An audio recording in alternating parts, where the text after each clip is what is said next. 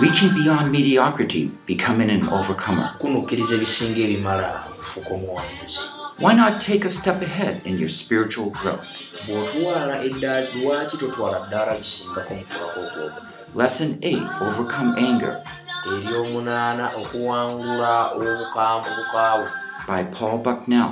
nga likutuusibwako Buckner, Translated from English into Luganda. nga livunuddwa okuva mu luzungu okudda mu uganda Possess God's patience. ng'ofuna obugumiikiriza bwa katonda Produced by Biblical Foundations for Freedom. www.foundationsforfreedom.net. Releasing God's truth to a new generation. okusumulula amazima ga katonda eri omulimu omupya Observe how releasing control to the Lord okutegeera engeri gye tuta okufugibwa eri katonda enables one to stand beyond the reach of anger and its hatred. ki kisobozesa omuntu omu okuyimirira wala naawe obukaawe obuyinza okumutuukirako ng'obukyayi Lesson 8 Possessing God's Patience. tugenda tuli ku ssomo lya munaana tugenda kwogera ku katundu akasooka nga kagamba nti okufuna obugumiikiriza bwa katonda On overcoming anger. Era n'okuwangula obukaawu When we're going to be learning how to release control of our lives to the Lord. tugenda tugenda kuyiga engeri gye tuyinza okufuna obuva eri katonda okusobola okufuga obukaawu bwaffe which will enable us to stand beyond the reach of anger and its destruction. ekinaatusobozesa okunukkiriza okutuuka okusukka obukaawu n'okusaanyizibwawo So we'll be looking at a picture of anger tugenda kutunuulira ekifaananyi eky'obukaawu and how to begin to overcome anger. era otandika otya okuwangula obukaawu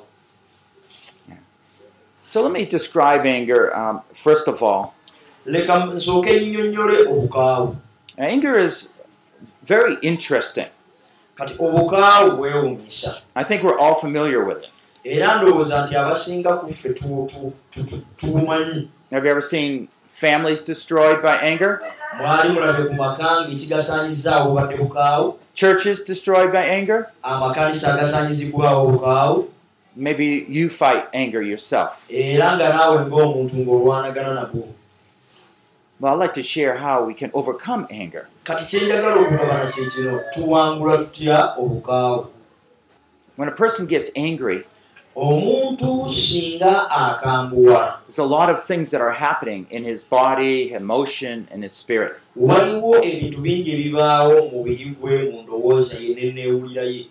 Now, we'll look more specifically later, but usually it results in very loud words, uh, very a lot of anger, a lot of hatred, and expression of that hatred. kwegamba okulaga obukambwe n'obunyiivu n'okukyalira ddala abantu And basically, there's generally two types of anger. kati ekitandikirwako kiri nti nti waliwo ebika bibiri eby'obukaawu One of those is like a volcano. kati ebimu bubwatuka bulinga ensozi ne zivaamu omuliro Oh, something simple can happen, but the person just blows up. Kati nga kiringa akantu kati akabaddewo naye omuntu n'abanga olusozi lwe luvaamu ne- n'awanduka omuliro And everybody around is hurt by that anger.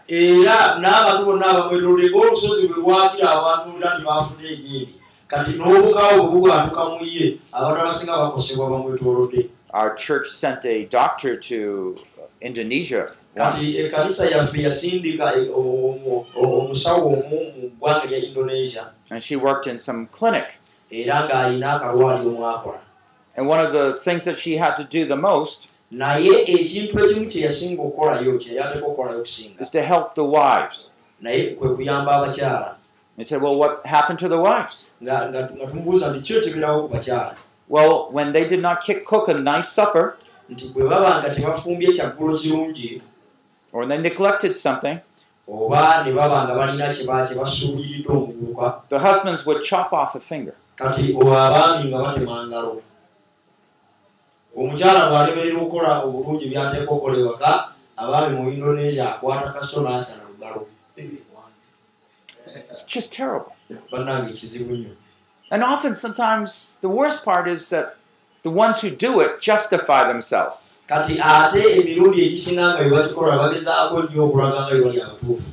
don't know. I hope you've never hit your wife. Kasimanyi ndowooza mwe temugwa abakazi bammwe eno temukikolangako That's that blowing up type of anger. kwegamba ekyo nno kyongera obwoleka okuvaayo kw'obukaawu There's also another kind of anger. kati ate era waliwo ekika ekirala eky'obukaawu It stays inside.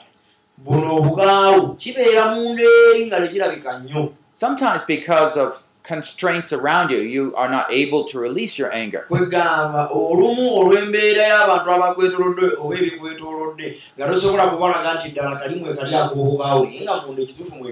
Maybe a wife would like to be angry,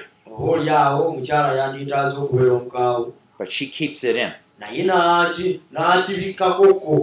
It's suppressed, but it works along with bitterness and inside uh, burning hatred.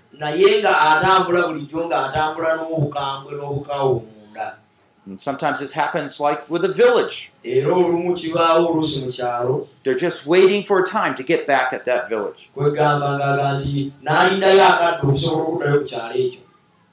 Anger is always a destroyer, isn't it? kwegamba ekyamazima obukaawu buzikiriza It's an outflow of that violence. And that hurts even nations. Let's just pray and ask for wisdom from God.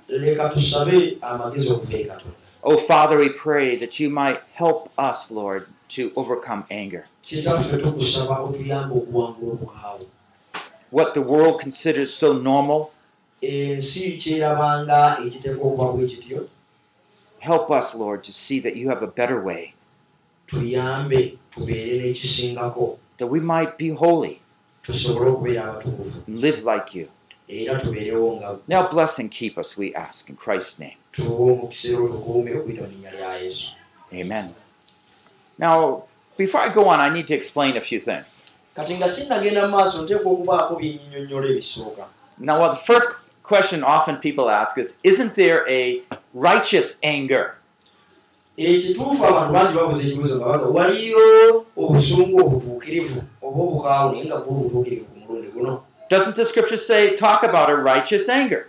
kituufu ebyawandiikibwa byogera ku butuukirivu ku bukaawo obutuukirivu And so Ephesians 4.26, it says, be angry.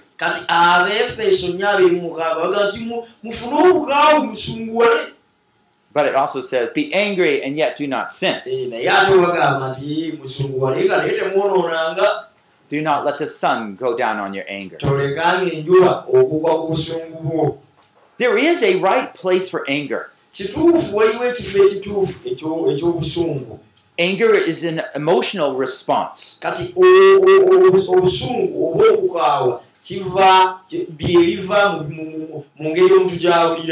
It motivates and stirs us up.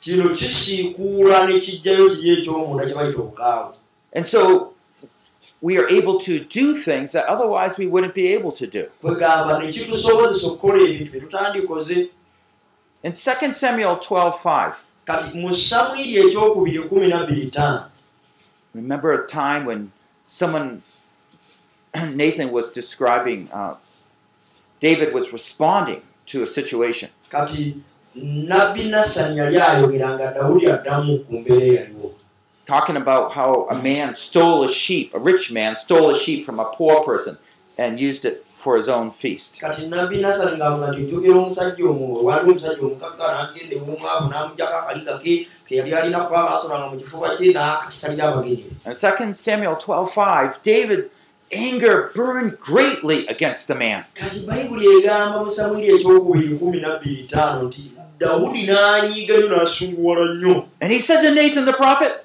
n'agamba nabbi ono nasani As the Lord lives, as this surely this man deserves to die. nga katonda bw'ali omulamu omusajja ono agwana kufa Now he only stole a sheep, kati eh, te- teyava mubindiga ya bunne but that's all the family had. naye ekyo kyekyali mu maka Was David's anger justified? kati tutubuuza nti obusungu bwa dawudi bw'alagibwa Sure, it's an emotion calling us up to exercise justice. kwegamba kyekyava mu kuwulira mu- mu mu kuwulira okusobola okulaga obutuufu The problem is most of the time that people get angry ekizibu kiri nti abantu abasinga tusunguwala is not to carry out justice for others, si lwakubanga twagala okus- okusalira omusango abalala but to get something they want. naye okusobola okufuna byetwetaaga There are some verses that limit how we are to use our anger.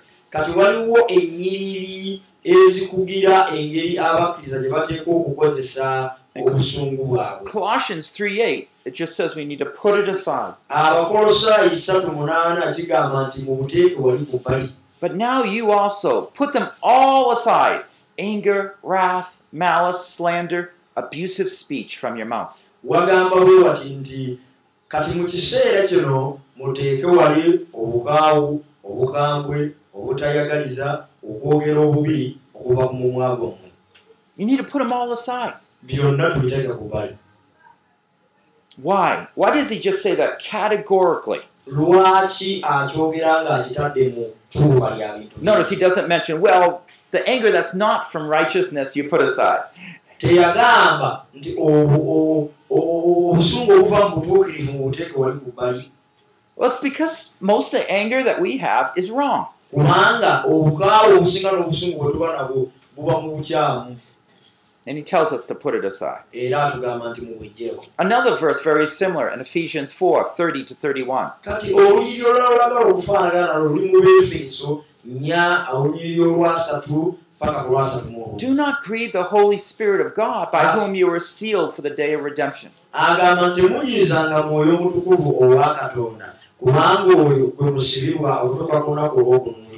Let all, let all bitterness, wrath, and anger, and all malice be put aside. leka obukaawu obusungu biteekebwe ku bbali okuva ku mmwe What is he trying to say? agezaako okwogera ki He's saying the Holy Spirit's not going to work with you if you have your anger. So if you have anger in your home, is the Holy Spirit working? kati awo omwoyo omutukuvu aba akola Mm, No. If the elders are fighting, kati singa abakadde baba balwanagana does the Holy Spirit work? kati awo omwoyo omutukuvu aba akola No, the elders can get up, the pastors get out, say, Praise the Lord. But inside there's that anger, that malice, that bitterness. You're grieving the Holy Spirit. munyiza omwoyo omutukuvu Now, God is gets angry at times, and He gives us plenty, many examples of this in the Scripture. Zechariah 10:3. singa osoma zaakaliya essuula ya kumi olunyiri wa kusatu God says, "My anger is kindled, grows up against the shepherds." Agamba nti obusungu bwange katonda nga yagamba buyimusibwa ku basumba He's not happy with the pastors. teyali musanyufu nnyo ku basumba His anger's against them. agambye obusungu bwange buyimukira ku bo Do you remember how the anger of the Lord burned against Moses? You mean God just asked him to go and speak to the Pharaoh? He says, Well, I don't speak very well. He says, Am I not the one who equipped you? Did I give you your tongue? How dare you speak back? Huh? It says God's anger burned. Great. God gets angry with nations. In Zechariah 1:15.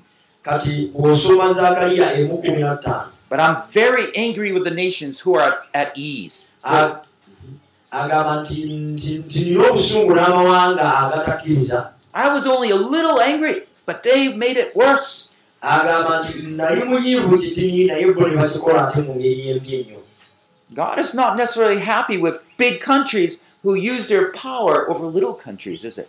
Kati katonda si musanyufu nnyo eri amawanga ag'amaanyi ageeyambisa amaanyi gaago okufuga obuwanga obutini oba obunafu And it happens again and again. ekyo nno ate kibeerawo emirundi mingi nnyo And so God carries out his judgment. In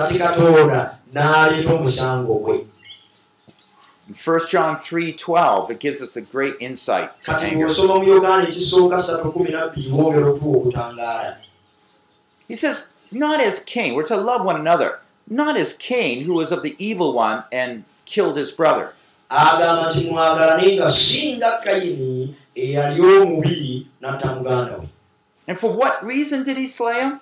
kati nsonga ki lwaki yamutta His deeds were evil, his brothers were righteous. ekituufu ebikolwa bya abiri byali birungi ebya kayini nga bibi ensonga lwaki yatta abiri And we've come into this times when in our society we permit at times extreme anger. Ekituufu waliwo e- mu kitundu uh, o- o- obukambwe obuleeta okukola obubi obusingiridde And in Matthew 21, Jesus says anger is just like murder. kati mu matayo taano abiri mu emu paka abiri mu bbiri yesu agamba nti obuka- obukambwe n'obukaawu bulinga butemu mwennyini So just think for a second a husband who gets angry toward his wife. kati njagala okirowoozeemu omusajja anyingira mukazi we What he's saying is when you get angry, it's just like murder. And you say, well, that's not fair. I don't plan on, I'm not going to kill anybody. But Jesus goes deeper, doesn't he? You see, if there were not cultural restraints around you, you would just be like Cain. singa You would go out and kill But you're thinking about your family, you're thinking about other people. You, oh, you won't be able to be pastor if you kill somebody.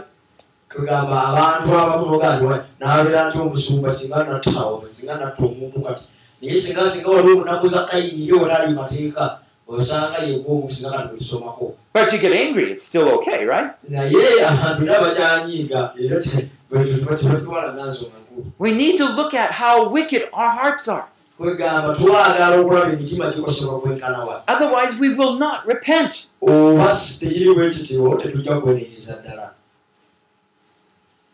What will change our society? Kiki ekigenda okukyusa embeera ebitundu byaffe What will change a church? kiki ekigenda okukyusa ekkanisa Only true repentance from this anger. okujjako nga waliwo okwereya okwanamaddala okuva mu bukambwe buno Jesus said, Everyone who is angry with his brother shall be guilty before the court.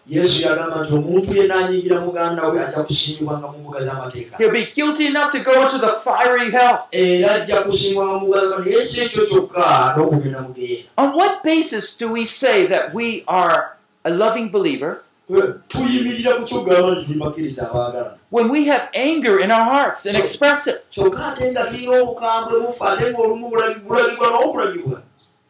One day before judgment, you're going to be judged. olunaku lumu olw'omusango bajja kukusalira And you preached on love.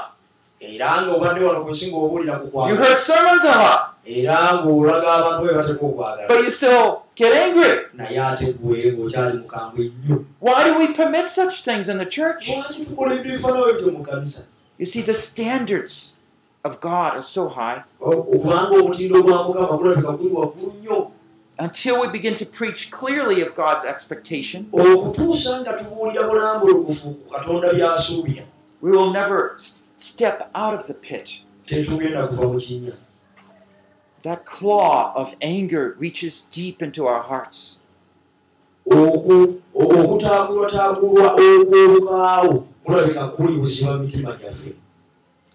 Now, I want to tell you a little more how anger works. Anger works the way it does is because it helps us to focus clearly.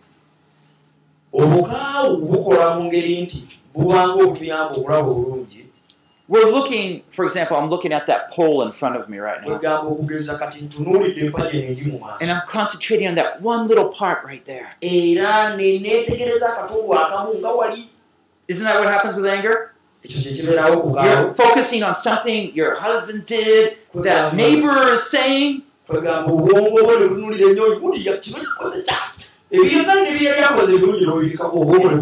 Goes over and over in your mind. How can he say that? Why did he do that?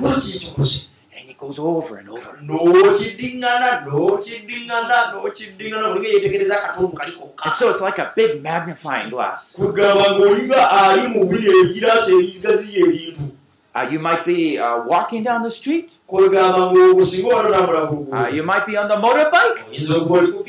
Yeah, you might be in a sermon. oyinza ng'oli ku njiri But that magnifying glass is there in your mind. ngagwesebo oli oli oli mu bigiraasi biri ebitangaza byebambadde buli kade buli kaso- buli kasobye okatangaza n'okageza Keep thinking about that person. kwegamba osina omulowooza And it blows it up big.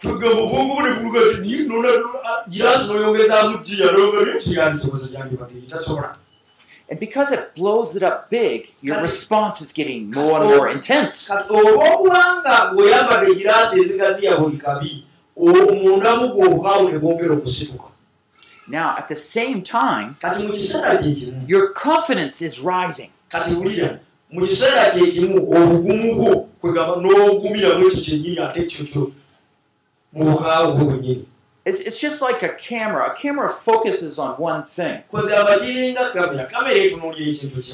it can't focus on the things around it. naye tesobola kwetegereza bintu bigyetoolodde And, and so what happens is we're focusing on one thing, but we are blinded somewhat by the outer context. ekyamazima oyambala giraasi ziri ezigaziya naye ng'otunuulidde ekintu kimu naye n'otafaayo ku nsobi ddala zikwetoolodde So for a period of time, we are forgetting things around us. kati mu budde butini twekanga twerabidde byonna ebitwetoolodde We forget, for example, when we get angry, how we look so mean like a giant. kwegamba bwonyiga owulira nga wenuulira ekisolosolo owulira nga ozimbye nnyo okusinga buli muntu Or we forget what we're saying to some people with wicked, evil words. I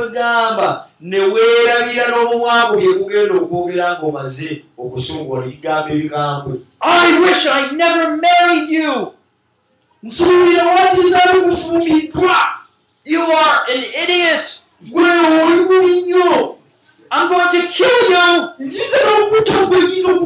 You don't deserve to die! Do you have some more?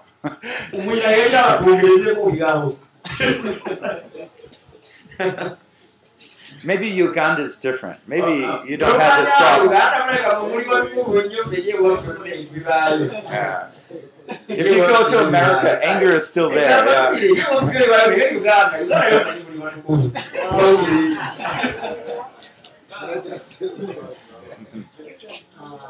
You know, some people say, "Oh, I'll switch wives, and then I won't have problems." You bring your anger with you.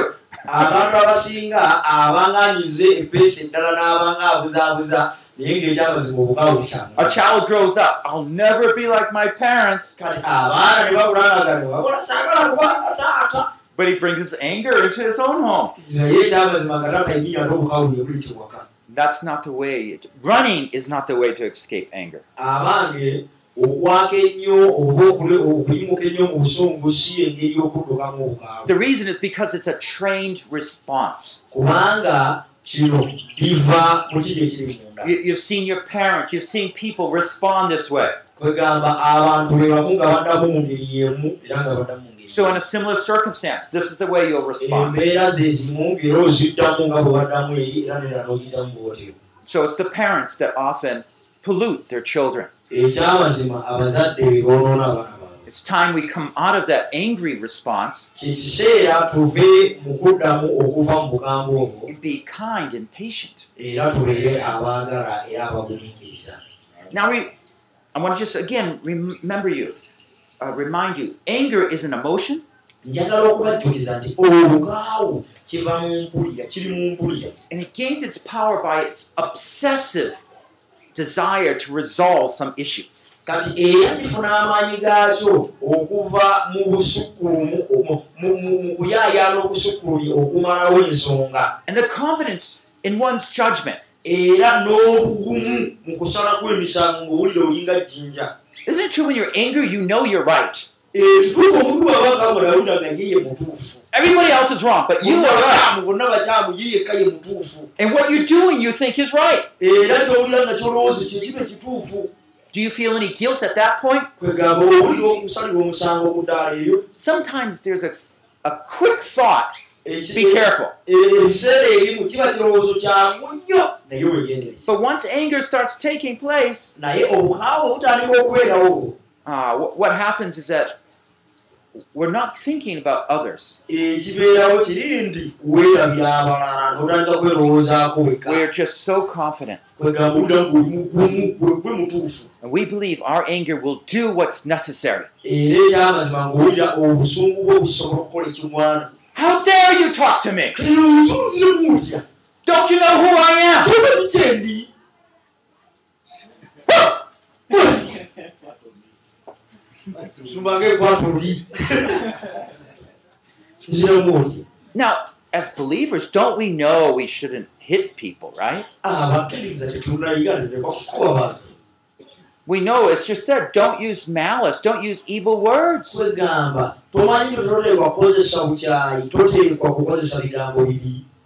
But for some of us, that's life, that's normal. It's not for God's people. And if the society is going to change, it's only because the church changes. And if the church is unwilling to repent, then your families are going to die. And your children will spit at you. I don't want your Christianity. I don't want your God. This is what's happening in other places of the world. You have a chance as the church begins to grow to change. Okukyuka If you're unwilling to change, though, then there's no hope.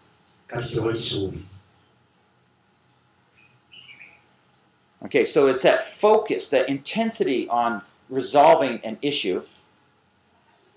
Okutunuulira n'obwegendereza n'okufaayo okumalawo ensonga and it's that blindness from what God's saying and what people are expecting that allows you to run in and hurt other people. era n'obuzibe obwekyo katonda kyayogera n'oziba amaaso ku ki katonda kyayogera kyekikuganya okukosa abantu abalala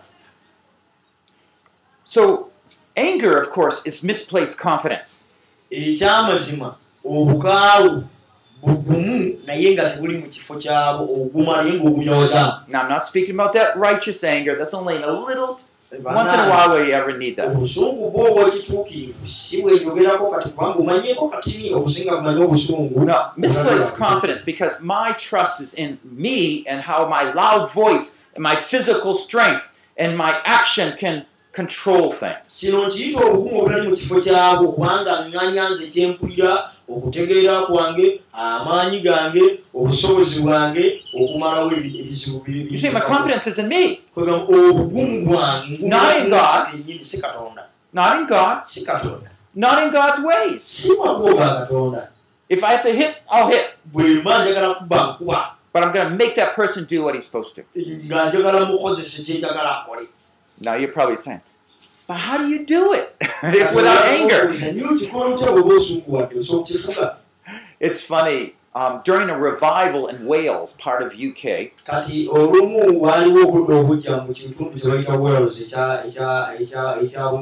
God mightily worked across the land.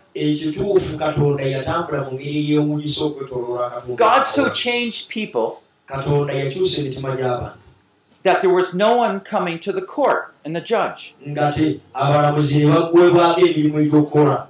the police joined up in four people of four and went to churches and sang quartets. But the reason I pointed out is also, though, the mines, they worked in mines under the ground, stopped working. kati ekinjogeza kino nti n'abaali bakola mu birombe ebisima eby'obugagga ne balekeraawo Now, they wanted the mines to keep working, baali baagala ebyobugagga ne basigala nga bakyakola But it took them a while to figure out why it wasn't happening. kwegamba ba- baavayo nga beebuza ki ekigenda maaso You see, what they would do is bring the donkeys deep down in the ground and carry up the minerals. kwegamba baleetanga endogoyi nga baziteeka wansi eyo okwetika ebyobugagga When they were unbelievers, they would curse the donkey, they would kick the donkey. But now they're believers. They're speaking nice to their donkey, but the donkey's not doing anything. They had to retrain their donkeys to get the minds working again.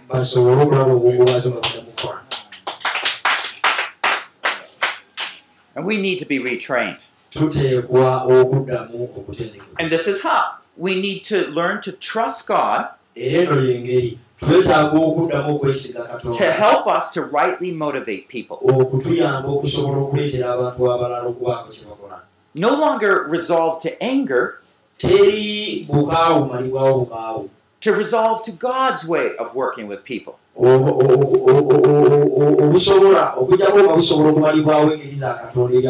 And so in our minds, we might say, I'll look to God for wisdom and kindness,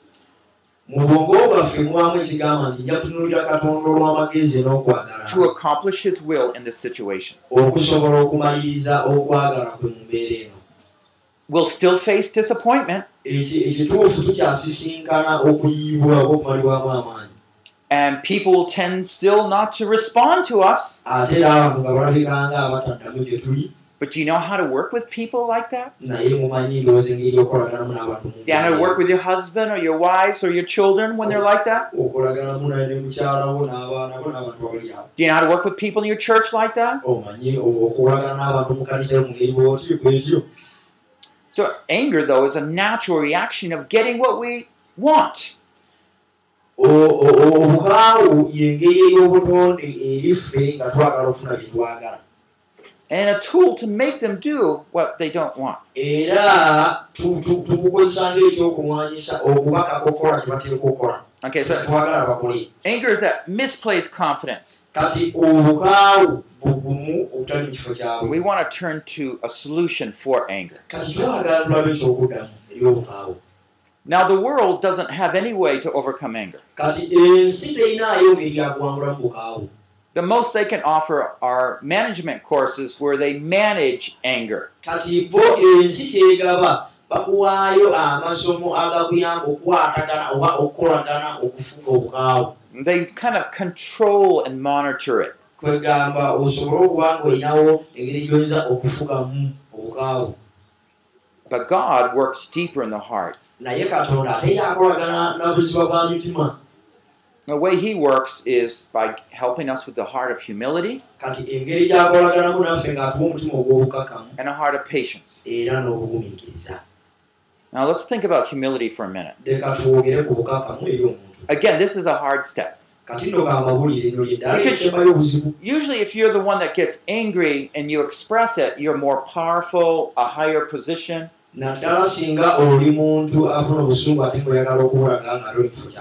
And already you're used to people doing what you want.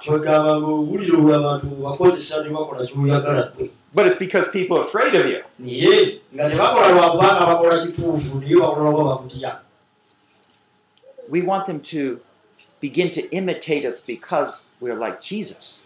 twagala batandike okutugoberera kubanga naffe tugoberera kristo Now, we should remember man is made in God's image.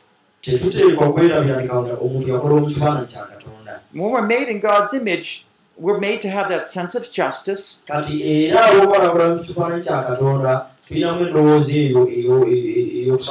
So, righteous, there is a place for righteous anger, but when we don't use God's way and don't trust God, we're doing it a wrong way.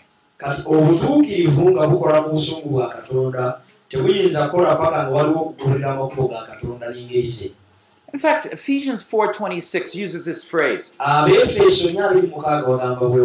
"Be slow to anger." agamba nti mu- mu- mu- mu- mu- musunguwalenga naye si ku sipiidi mpolampola He's kind of helping us kind of monitor our situation. ekyo kiyinza okwetegereza embeera yaffe I I think, associate this with that sense of gird your mind for action. Be pay attention to what you're thinking, what you're doing. kwegamba kino kikwatagana ne kino nti teekayo omutima teekayo omwoyo ku ki kyolowooza ku ki kyokola If we rush into anger, more than likely we're just going to do damage.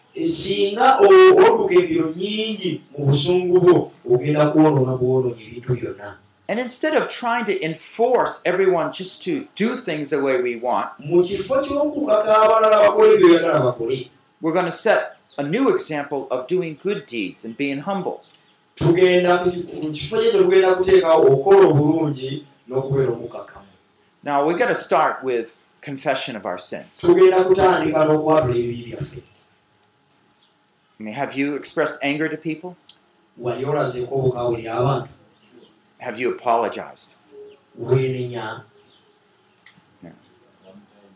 Sometimes, yeah.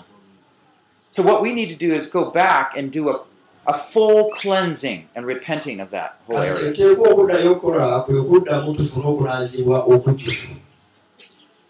Maybe sometimes you've apologized, maybe to your wife, maybe many times you haven't. It says, if we confess our sins, He is faithful and just to cleanse us from all our sins and unrighteousness.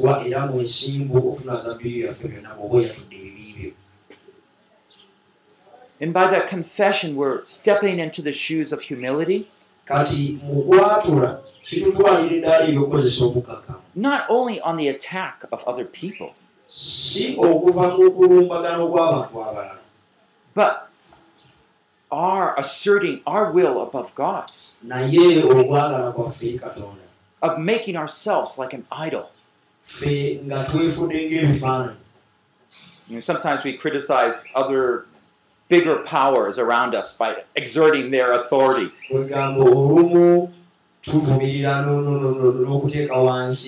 Amaanyi g'obuyinza g'abantu abalala batwetoolodde And not being sensitive to people like me. kwegamba nga netufaayo eri abantu nganze bwemulaba But as pastors, maybe in the church we do it, at home we do it, with the children we do it. We're doing the same sin. How can the country change if we don't change? Now, I don't know if it's possible for you to even admit your sin to others. simanyi oba eh, kibanguya gye muli okukkiriza ensobi eri mu bantu abalala I find it so hard.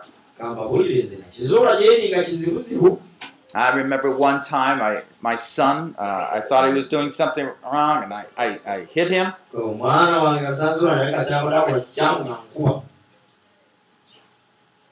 At nighttime, I went in and said good night to him.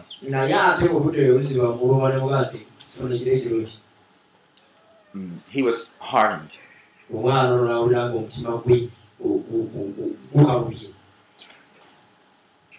And I was thinking about what happened earlier in the day. I said, What's, what's wrong? You know, I, I didn't do anything wrong. Siina kyenakoze kikyamu And I asked him, Well, what really happened in that situation? And I found that I misunderstood things. What was I going to do now?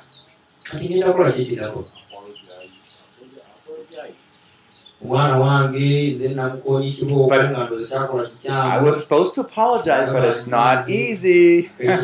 okwetondera omwana si muzannyo mwangu And just in, in like probably three seconds of time, my mind was in a big war.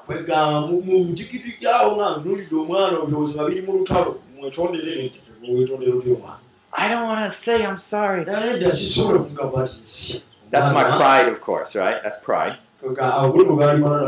But I did something wrong. But don't, but it, I- it's hard to say I'm sorry.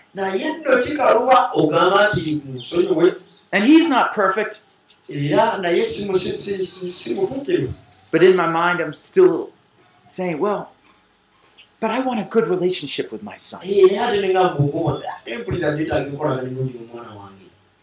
And finally, I, I broke down and said, I'm sorry. Now, this is what an apology needs to look like. When there's clear sin, we need to admit what sin we did wrong. I'm sorry I spoke evil and I hit you.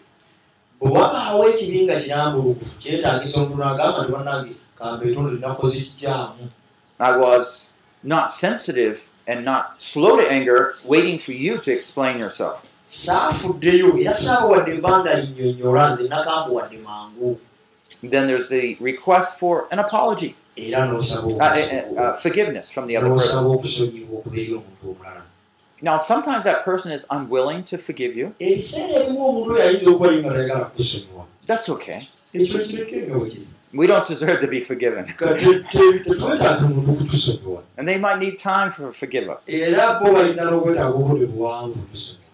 But don't get angry again because they don't forgive you. naye ate bwe kino kikwongerayo bwongezi n'ogamba kati olwokubanga agaanye okunsonyiwa I just apologize. You better forgive me. Ah, No, no. We, we just have to humble ourselves. And, then, and at our home, we just hug afterwards. kati ffe nno eri eweka waffe wabirawo okusobagana tumaliriza twegwa mu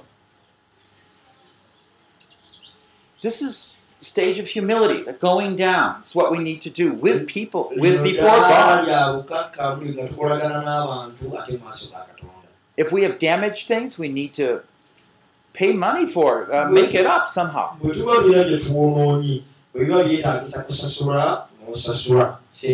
Yeah, sometimes we destroy something that a person loves just to show our anger. ebiseera ebimu oyinza okunyiga n'otomera tivi y'omuntu kati bw'omanya nti oteredde otuuse somugande kativiko kankasasule It might, have, it might have been her only picture of her family, and you were upset with her family, and so you destroyed that picture. kwegamba oyinza okuba ekifaananyi ky'abaka nga bakinyira dda mu busubi obukola n'okibomu nokimenyamenya ng'ekifaananyi kino You might never be able to make that picture come back.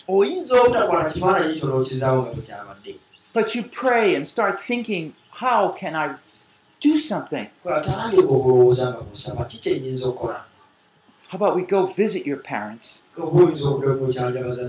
and we have an album of pictures taken? An album, a, a, a photo album.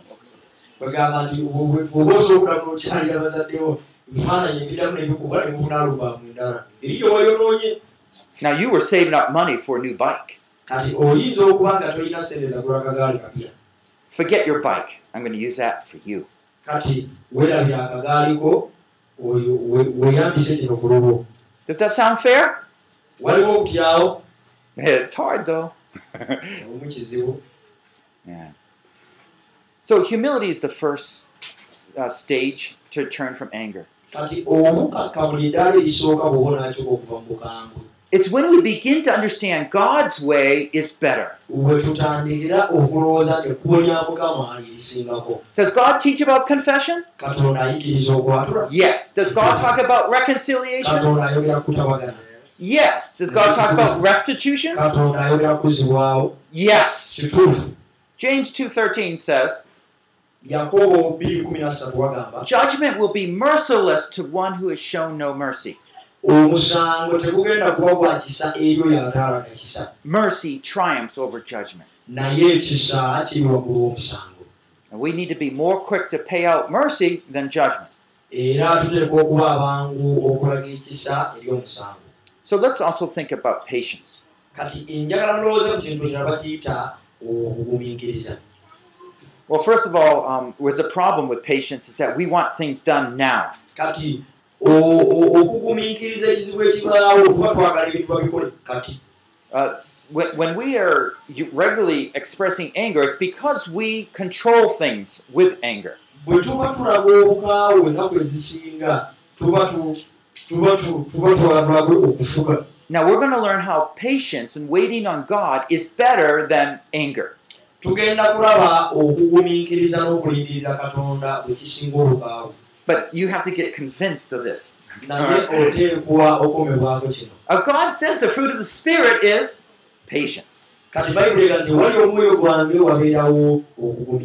self control, kindness. Now, do we believe that's better than the anger? But what happens is like those donkeys. If I'm kind to my wife, bwe mbeera ow'ekisa eri mukazi wange she's not going to do what I want. tagenda kola byenjagala I mean, how am I going to handle my home? nze nze muziruganya amaka gange I, I don't know how to do it. simanyi ngeri yakikolamu You need to be retrained kati ndowooza nti oteekwa okuddamula obutendekebwa because you have absolutely no confidence in how kindness toward a spouse will, will work. Tetumanyi mbeera ya- kisa gyegenda kukola ey'amaka I'm bigger, so I can boss you around. kati nze ndi munene kitegeeza kati gwe nsobola okugjawo Maybe the wife says, I cook, so I boss you around. kati kwegamba n'omukyala aga nti nze nfumba olwokuba nze nfumba nange awo nfuga you know how it goes, right? olaba engeri ebitambula we just want real patience. Twetaaga okugumiikiriza okwannamaddala It's true, um, we might think the other person doesn't deserve it. tuyinza okukirowooza nti omuntu omu tagwana And sometimes, for example, maybe the wife has spoken back. It's not right. Or, as the scripture says, a husband should love the wife, but he doesn't. Naye ng'ebyandikwa ebigamba nti omwami ateekwa okwogera okwagala omukyala ate nga omwami takikola Now, how am I going to respond back to my husband if he speaks to me that way? Well, the husband doesn't deserve kindness, does he? If the husband deserved what he gets, a big knife blade from heaven would come down and be killed instantly. Ekitegeeza nti akaaka akamba akanene akava mu ggulu kajje kamutte kati. Because man and woman is made in God's image. When we assault man with words, with physical assault, strike. If we strike man, we are striking God tuba tuyombagana na katonda because we are made in a reflection. The next time you look at your wife and about to say something evil, ekikyamu let the truth of God that man and woman are made in the image of God constrain you.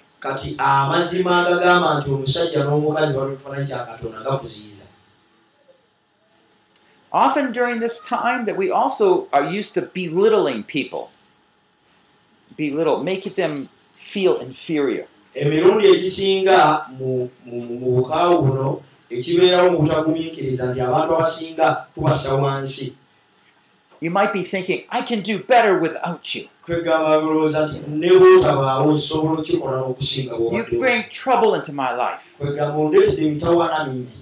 And so, what you're doing is stripping out the value that God has given them from their lives and from your eyes. kati gwe kyokola oli mu kussa wansi omutindo n'obulungi katonda bwe yateeka mu muntu ono See, anger has to look down on the person. kati obusungu ne bwetaaga okukolagana n'omuntu omulala But we need to, again, build up value and, and treasuring people. We also need to step beyond our sense of irresponsibility. era twetaaga okusukkuluma wali we tulowooza nti tulina buvunaanyizibwa Whatever I say is right. There's that sense that no matter what happens to you, I don't care.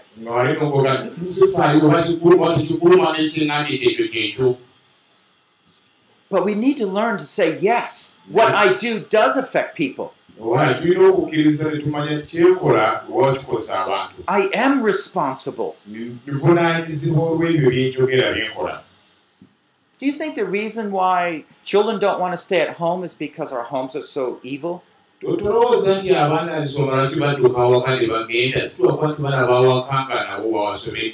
I remember I grew up in a home with a lot of hatred. I grew up in a home with a lot of hatred. nnyo My mother's been divorced four times. Fight, fight, fight! All that bitterness. When I grow up, I'm going to get out of here.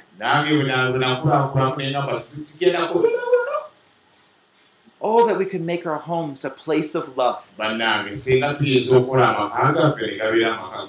It would be like a refuge. Our friends want to take them home, their friends' awaka And their friends want to come. Because their dad and their mom love them.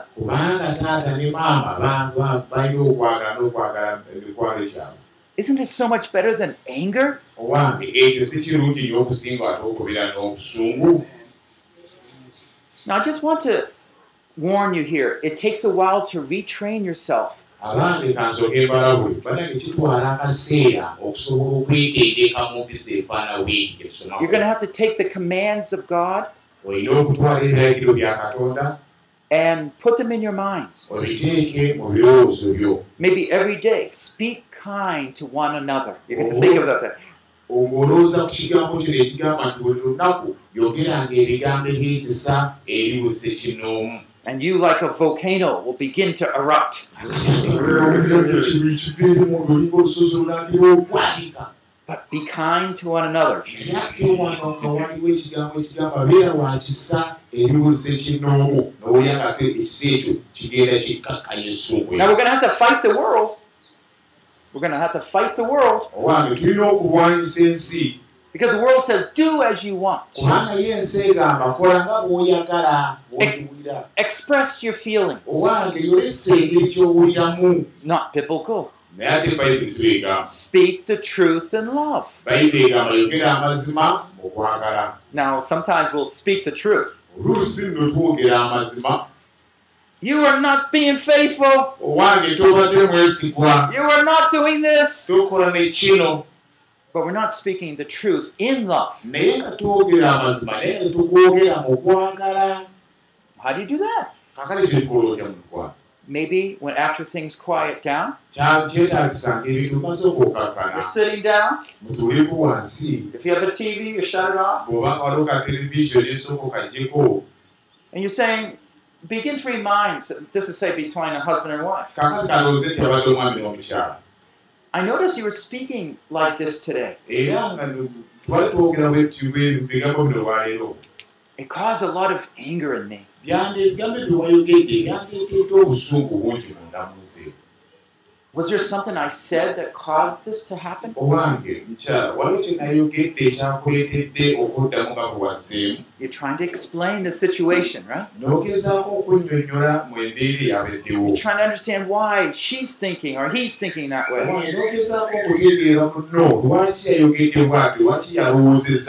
Maybe the, the person, your spouse, will say, Oh, yes, something happened at work and it just made me say those things. oba oli awo ng'omuntu ono ajja kugamba nti wange nti onabadde ku mulimu eyo waliwo byantawanyizza ate njja nga nkeeteze bye byandeetedde okwogera bwenti And so when we're treating things humbly and quietly, maybe the person that said something wrong will apologize. I know for my wife, if she's in a troubled heart, it's the wrong thing to say. You need to confess that right now. Just step back a little and give her time.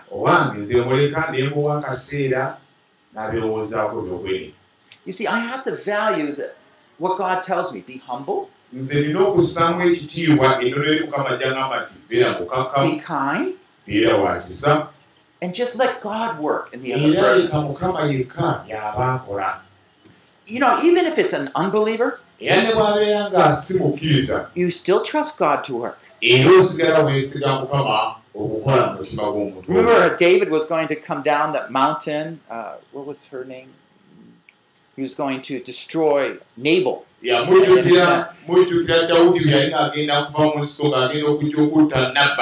Nabal was not acting wisely, was he? You know, but Abigail, his wife, came up and interceded, and later David said, "If it wasn't for you, I would have wiped out every man in that."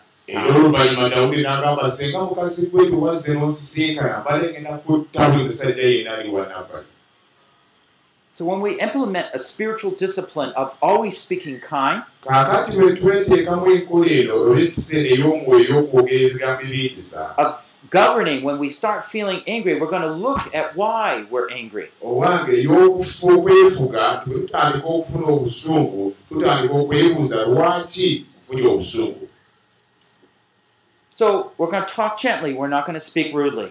kaakati kaakati wano tugenda bwe tugamba bwe ti titugenda kwogera n'ekisa tugenda kwogera n'abukaawo. We're going to care about the other person, not about ourselves. tugenda kufaayo ekyenjogera kikola kiti eri omuntu ono? So si kufaayo nze ti I am offended.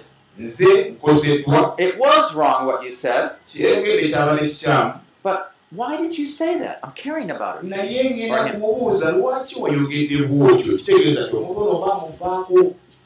And then we show kindness. kati tukola ebyetulaga ebyekisa I'm going to pray. Let's pray. Yeah. Somehow God will help you in your situation. tugenda kusaba essaala eno obaolya mukama n'akuyamba mu mbeera eyo We're going to go beyond this situation, you see. tugenda kwimusa amaaso gaffe tusukulume embeera eno eriwo Instead of criticizing, mu kifo ky'okumukolokota hey, I'm going to pray more for you. I didn't realize you were facing this problem.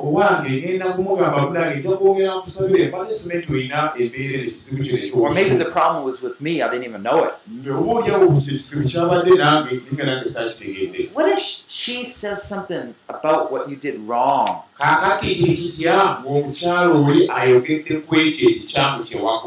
Are you going to flare up? It's all your fault. What are you saying?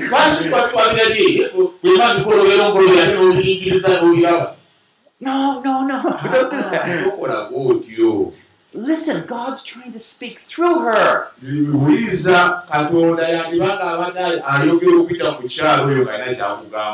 Try not to say anything then. Kakati tosooka kubaako kwandokola bonna Let, me pray about that. omugambe twayi nga bwobyerabye eti kankisabire And in a quiet time with the Lord, you're talking, Am I really like that? Is there a better way to say or express that? We want to support, we want to learn, twagala okuyiga we want to change and improve. twagala okukyuka era n'okubeera okulabika obulungi okusingawo And instead of, instead of making that person feel inferior, mu kifo ky'okukamba omuntu ono awulire nga yeetaliiko kanguntu konna we see God using us to help that person grow. tulaba nga katonda atukozesa okuyamba omuntu oli okusobola okukula Isn't that the way the Holy Spirit works with us? See ourselves as the instruments of the Holy Spirit being used in the lives of others. kaakati naffe twerabe ng'ebikozesebwa omwoyo omutukuvu byakozesa okuyamba obulamu bw'abantu bano abalala We speak calmly, we don't yell. tugenda kwogera neggonjebwa naye nga tetuleekaana buleekaanyi Well, uh, we've gone through a number of things here. tuyise mu bintu ebiwerako wano I don't know um, if you have any questions on anger. kaakati ab'emikwano simanyi banga walina ebibuuzo ku busungu buno bwe tusomyeko or whether uh, you have a certain circumstance, maybe how you would respond in that situation. oba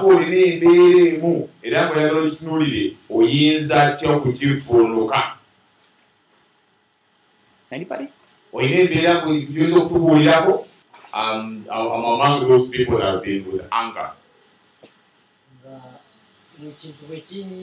And when I'm annoyed, it's, I, I look, I, I feel like getting you and chewing you and eating you. so Is, is that them to you or you to them? Him to them. Okay. Yeah. when he's annoyed Yeah, yeah, yeah, like, I understand.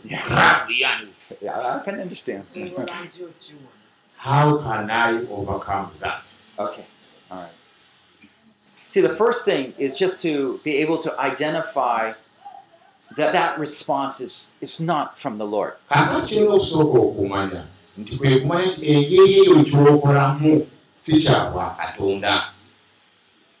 In the back of this chapter, I have, I think, lots of exercises kakati emabega we- we- w'essomo lino waliwo ebyokukola byetutaddewo bingi on how to overcome anger. engeri gy'oyinza okuwangulamu obusungu And um, I'll come back and answer you more particularly. Let me introduce this chart because we won't have time for it, I don't think. Mm, Maybe like 57. There's, uh, I put extra charts in. Ataano musanvu. You see, what you're going to have to do is quietly deal. I mean, while you're talking to the Lord, while you're filling out these exercises, kyekigendo kyolina okukola bw'onooba ng'ojjuza mu kyokukola kino ojja kuba nga muli munda mu mutima gwo oyogera ne mukama uh, what we're going to do is being able to understand ourselves more. ekigenda okukola kwe kubanga bw'osobola okwezuula And so these charts, like, is my chart, for example, how hostile I am, and with what action, how do I respond? kaakati wano waliwo bw'osuna akafaananyi kano kalina engeri ekambukamu eno waggulu nga kalaga nti bwe mba nnyiize mbeera mukaawu kyenkanawa era bwe mbeera omukaawu nkola ntya nyandukola ntya It sounds like that you're you're not responding that way, but you're inside. You're keeping it inside. Naye bwe kirabika nti bw'onyiiga olina engeri gy'okikuumira muli munda. And and let me just say, we're going to say a prayer. Because what we have to do is go through some repenting and confessing, and then we're going to have to start taking on the thoughts that the Scripture has for us.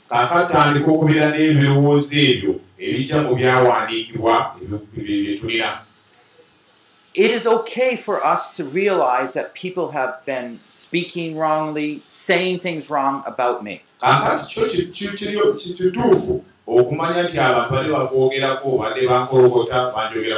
the Scripture says, don't be easily offended.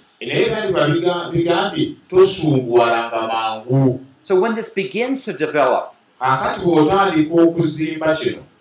then we have to be aware. Kaakati otandika okubeera nga ossaayo omutima n'okwegendereza. Now, before you can do that, though, kati nga tonaba kukituukako ekyo you have to clean out your past. olina okusooka n'onaazaawo biri ebyemabega. And so I think I have a chart here. You list. Wali ku peegi eno eya ataano mu mwenda waliwo akafaananyi kano. Okalaba kali- akaliko You're going to list all the people and society, if you want, all the people and things that you get angry against.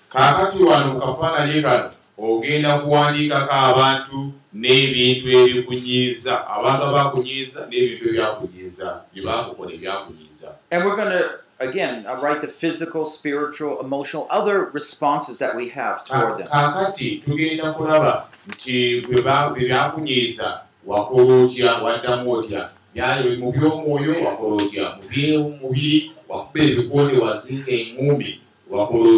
tugenda I kubiraba find, like, for example, if we're just tracing and trying to understand why is it that I get angry with my wife so quickly? kaakati nze nagezaako okunoonyereza ne neebuuza lwaki ddala nyiiga mangu ne mukyala wange I, I've been married seven years. It's been happening seven years. wange mbadde nga twali wafumba emyaka musanvu era mu myaka musanvu nga tulu- tukaayana so it'd be great to sit down sometime kaakati oluusi kiba kikulu n'otulako wansi ne weebuuza and just tell your wife, I want to be this man.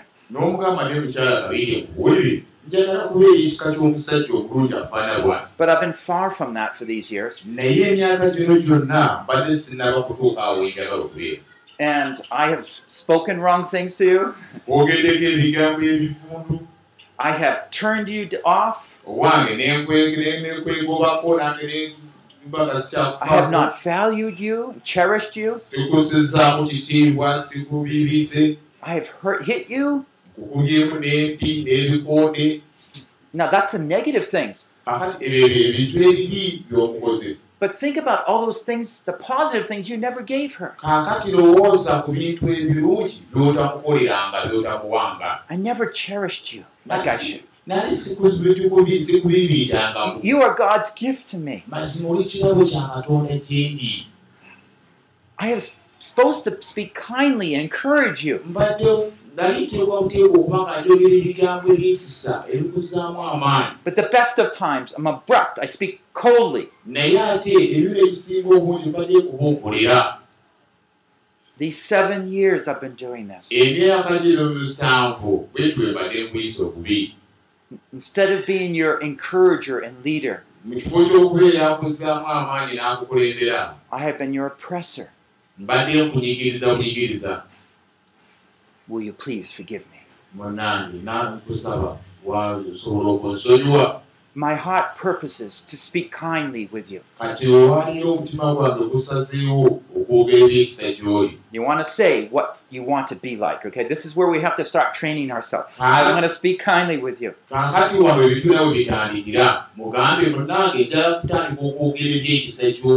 When we have a misunderstanding, I want us to sit down. I want you either write down or speak to me what you might think I'm doing wrong. kaakati omugambe nti munange weba nga tufunye obutategeeragana njagala munange mbeere nga tuyinza okutuulako wansi tubyogereko mpolampola olaba ng'okwogerako n'akukalubira wandiika ku kapapula ukampe tubyogereko tutereeza You are my helpmate, not my slave. owange gwe muyambi wange toli muddu wange I treated you like I never needed you, but I've always needed you. owange mbadde nkuyisa ng'atakwetaaga naye nzudde nga bwe buli kyo kwetaaga So we just try to, whatever, it's a neighbor, a spouse, we set up those times when we have to go and deal with our, first privately deal with those things, but then deal with those people. owange ne wabeera mulyanwa ne wabeera omutuga si mulokole kugamba kikulu nnyo sooka weekoleko omulimu oli munamutima gwo ate era ogende olongoose n'abantu abo Um, I have talked to people, they say, well, if I go and do this back home, everybody in the village uses anger.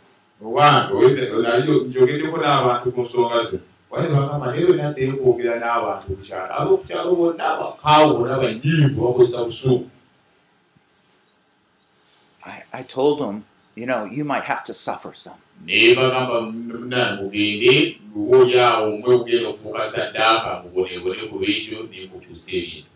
You know, if you see a dog that can't run, when you kick it,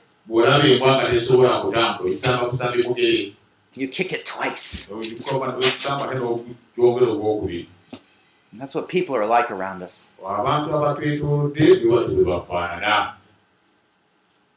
I don't know how the Lord will lead you, simanyi mukama engeri kyagenda kukulemberamu but we need to start responding differently by God's grace. naye era twetaaga okuba nga twanukula mu ngeri ey'enjawulo olw'ekisa kya katonda to begin to show that there's a better way. nga tutandika okulaga ensi eno n'abantu byatwetoolodde waliwo engeri esinga obulungi ey'okwanukulamu There was a missionary that went with his uh, family uh, to an island, waliwo omumisane eyagenda ne famiri ye n'agenda naffe ku kizinga Uh, they, they had to reach that island by a little airplane. And though, when they finally found this tribe, they, they dropped down, they, they went there. See? And The, the people came out of the plane, the missionaries came out of the plane, the Uh-huh. guys, the husbands,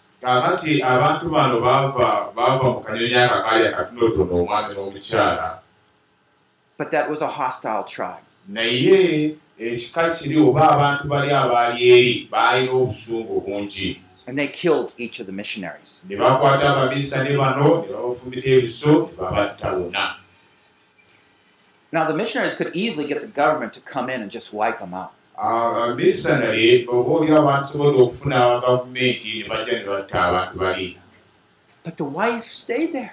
naye omukyala ye yasigalawo The wife finally was able to live there and her son.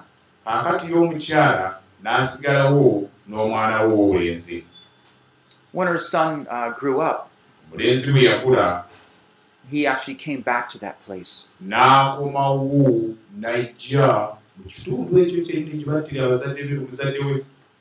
And that tribe came to know the Lord.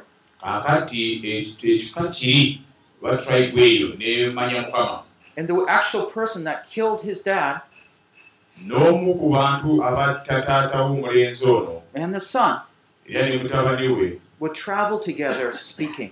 ne baatambula nga bonna bwe babuulira enjiri naye nobwatambula naye nga babuulira enjiri eyatta taata w'omu- w'omubuulizi katono When omuto we look at Jesus' example, he was humble.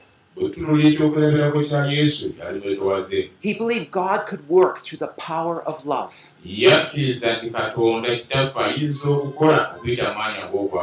We will be tested whether we really believe in the power of humility and love.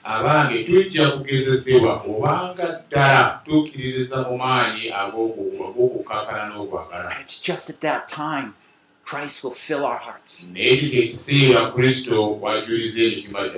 That's what I want to be like. ng'ogamba nti njagala kubeera nga ye I want to be like Jesus. njagala okubeera nga yesu Wherever God would lead me.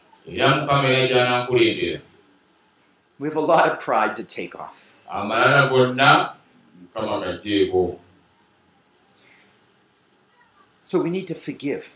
tulina okusonyiwa We need to try to make reconciliation. tulina okugezaako okuddayo okutabagana And uh, we do what we can, era tukola kyonna kyetusobola even if other people don't understand.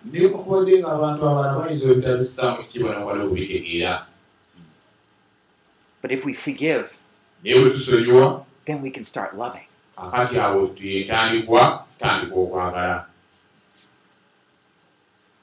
Any other questions? ebikwa yesu yebazibwe awo waliwo ekyongezeemu There's something I've learned. nagenda kutandika obuweereza waliwo na- naali I went to, uh, to start a ministry where you, you went the Sunday. waliwo munange waliwo n'ekkanisa There was uh, n- uh, down the road there was a church. That's true. ye ng'aloopa kwa chairman ng'osirina biwandiiko binzikiriza kutandika ekkanisa Now the other pastor went to the local council and said that I don't have the, the papers to start the ministry. awo ne- nensituka nengenda ewuwe mu maka k'omusumba And I went to the family of that very pastor. ne mugamba nze sizze kukuba ku bantu b'ekkanisa yo. And I told him I have not come to steal the neighbors of your church. nzize kukwitondera I have come to apologize tu- tukwasaganye tuwulire enjiri. so that we may work together and reach out to the people. n'anyaniriza bulungi. He welcomed me era kati tukolera wamu and now we work together harmony. Yes. Okay. So you are paying attention to how someone was offended. Now kati wa- wassaayo omutima n'omanya nti waliwo anyiize Yeah.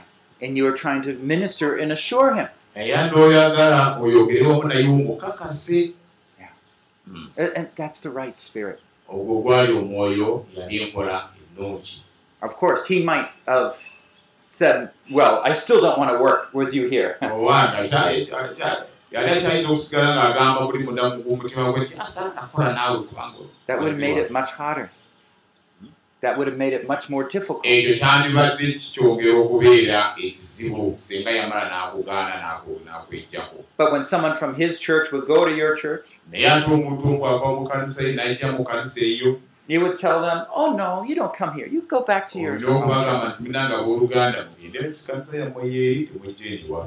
And maybe words would not communicate, but that action would make it biza obutakola nnyo.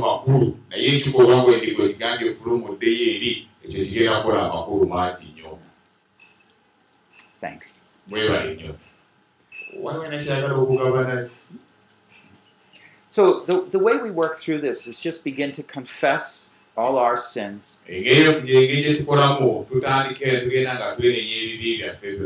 And as we do, what happens at the bottom, we start stating the truths. You know, even even if my uh, husband is so stubborn, you still want me to be kind to him. owange newankubadde ng'omwami wange awakati owungu alina effujjo naye era kyalina okumugondera kyalina okubeewesa gy'ali Even if that member is so stubborn, newankubadde ng'omukkiriza oyo ng'asumbuwa you know, he's still made in your image. owange mukama And you want to rebuild him in Christ's image. I thank you for your way of working in my life. Continue to give me wisdom and kindness to patiently work with them.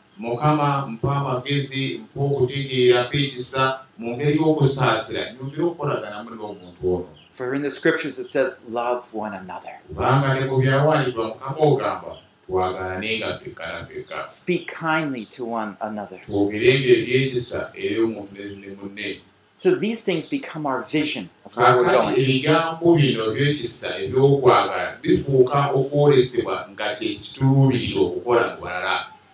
I do know that some of you probably have faced things in life that you would say, I'll never forgive that person.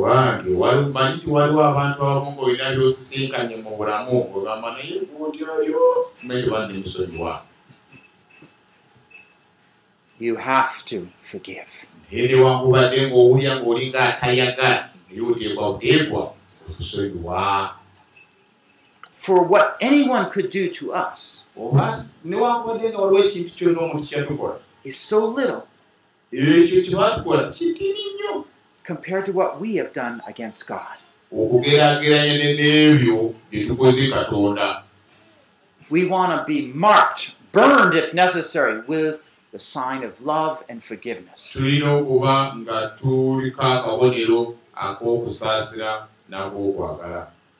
Let's close in a word of prayer. Oh, Father, we want to thank you so much for patiently dealing with us.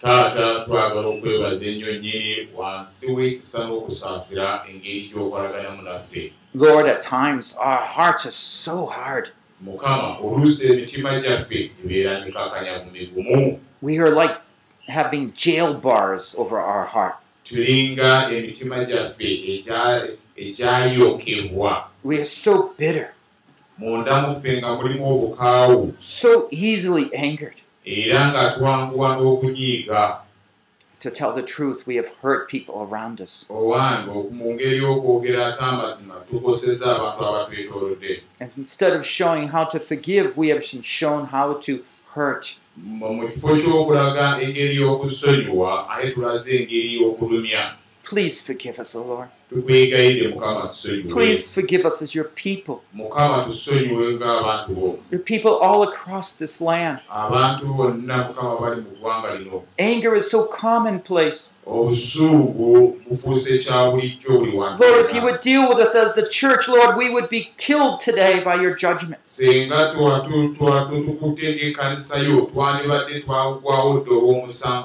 For we are the murderers. Kubanga tuli batemu If not indeed, we are in heart. Please forgive us of all our bitterness by the blood of Christ. Free us from this evil heart. Lord, we want to live by your new nature. That is born to love, kubanga twazaalibwa olw'okwagala free to give. era okusonyiwa Even when people spit against us, newankubadde ng'abantu batwogeddeko ebibi bitya? Even when people speak evil of us, newankubadde ng'abantu boogedde ebibi ebifaana bitya? Even when people say unkind things. Ne bwe boogera ebintu ebitali bya kisa. Against us or our family. era n'eri amaka gaffe. We forgive them all, Lord. Tubasonyiwa ayi mukama In the name of Jesus, we forgive them all. mu linnya lya yesu tubasonyiwa bonna Now we want, Lord, your love to fill our hearts. era mukama tusaba nti okwagala kukujjuza emitima We gyaffe want to love each one of them. twagala okwagala buli ssekinnoomu ku bo Our uncle, our uncle, bakojja baffe our father, bataata my wife, mukyala wange my children, my neighbor, baliraanwa my nation. eggwanga I forgive them all. mukama mbasonyiwa bonna I pick up the cross era nga ntoola omusaalaba and I'm going to follow Jesus. era ŋŋenda kugoberera yesu I'm going to walk in his humble path. ŋŋenda kutambulira ku kkubo lye ery'obukkakkamu I don't know where it's going to lead, except I know that narrow path leads to heaven. Oh God, help me. I have so much to learn. I need to be retrained in love by the principles in your word. Strengthen and help me that your name might be glorified through my life. In the name of Jesus we pray. Amen.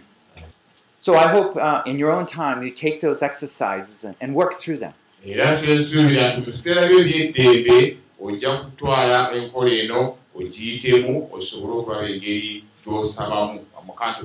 You might make a copy, give a brother one, and then you talk about it together.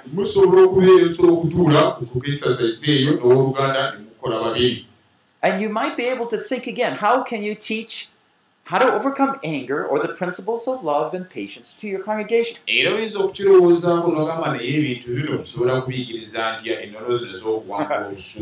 You're probably saying, I can't teach it before I learn it. I can't teach it unless I learn it. owange waliwo aga nti sisobola kubisomesa okugyamu nze ate nga nsoose okubiyiga Well, you ask the Lord to teach you so you can learn it so you can teach it. owange kyeŋŋamba genda obisomese nga bw'obisomesa ate ojja kwogera okubiyiga This concludes this session on reaching beyond mediocrity. kino kimaliriza amasomo agakwatagana ku kumukkiriza ebisinga ebimala We hope that you might continue on listening, tulowooza tujja kweyongerayo lyessuubi lyaffe okusomera okuli being a strong, spirit filled believer. osobole okubeera omukristaayo ajjudde omwoyo atanywedde Lesson 8 Overcome Anger eryomunaana okuwangula obukaawu by Paul Bucknell. nga bikutuusibwako paul buckner Translated from English into Luganda. nga livunuddwa okuva mu luzungu okudda mu luganda Possess God's patience. ng'ofuna obugumiikiriza bwa katonda Produced by Biblical Foundations for Freedom. www.foundationsforfreedom.net. Releasing God's truth to a new generation. okusumulula amazima ga katonda eri omulembe omupya